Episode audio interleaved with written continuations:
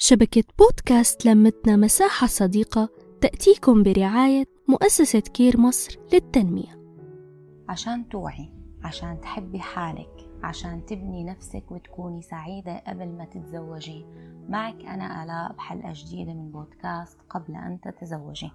من المعروف أنه التحرش أحد أبرز القضايا اللي بتعانيها المرأة بمجتمعنا العربي. طبعا ما بننكر أنه الرجل أحيانا بتعرض لتحرش بس مو قد المرأة.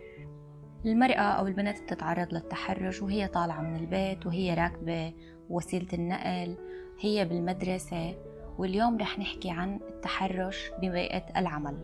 بإحصائية للاتحاد العام للعمال بمصر قال إنه النساء العاملات المصريات 30% منن تعرضوا لتحرش ببيئة العمل و40% منن تعرضوا لتلميحات.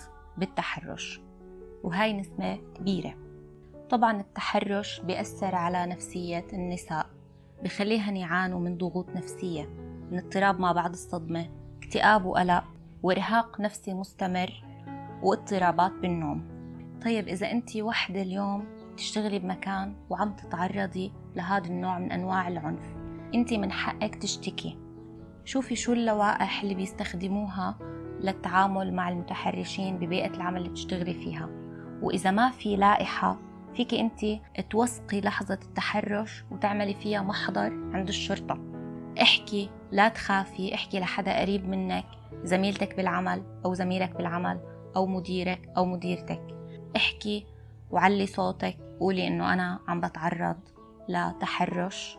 لسلامك النفسي ولأمانك النفسي. ومشان تساعدي غيرك من النساء العاملات معك لهون أعزائي المستمعين تنتهي حلقتي معكم بتمنى استمتعتوا واستفدتوا وبلاقيكم بحلقة جديدة ومع السلامة. نحكي نتشارك نتواصل.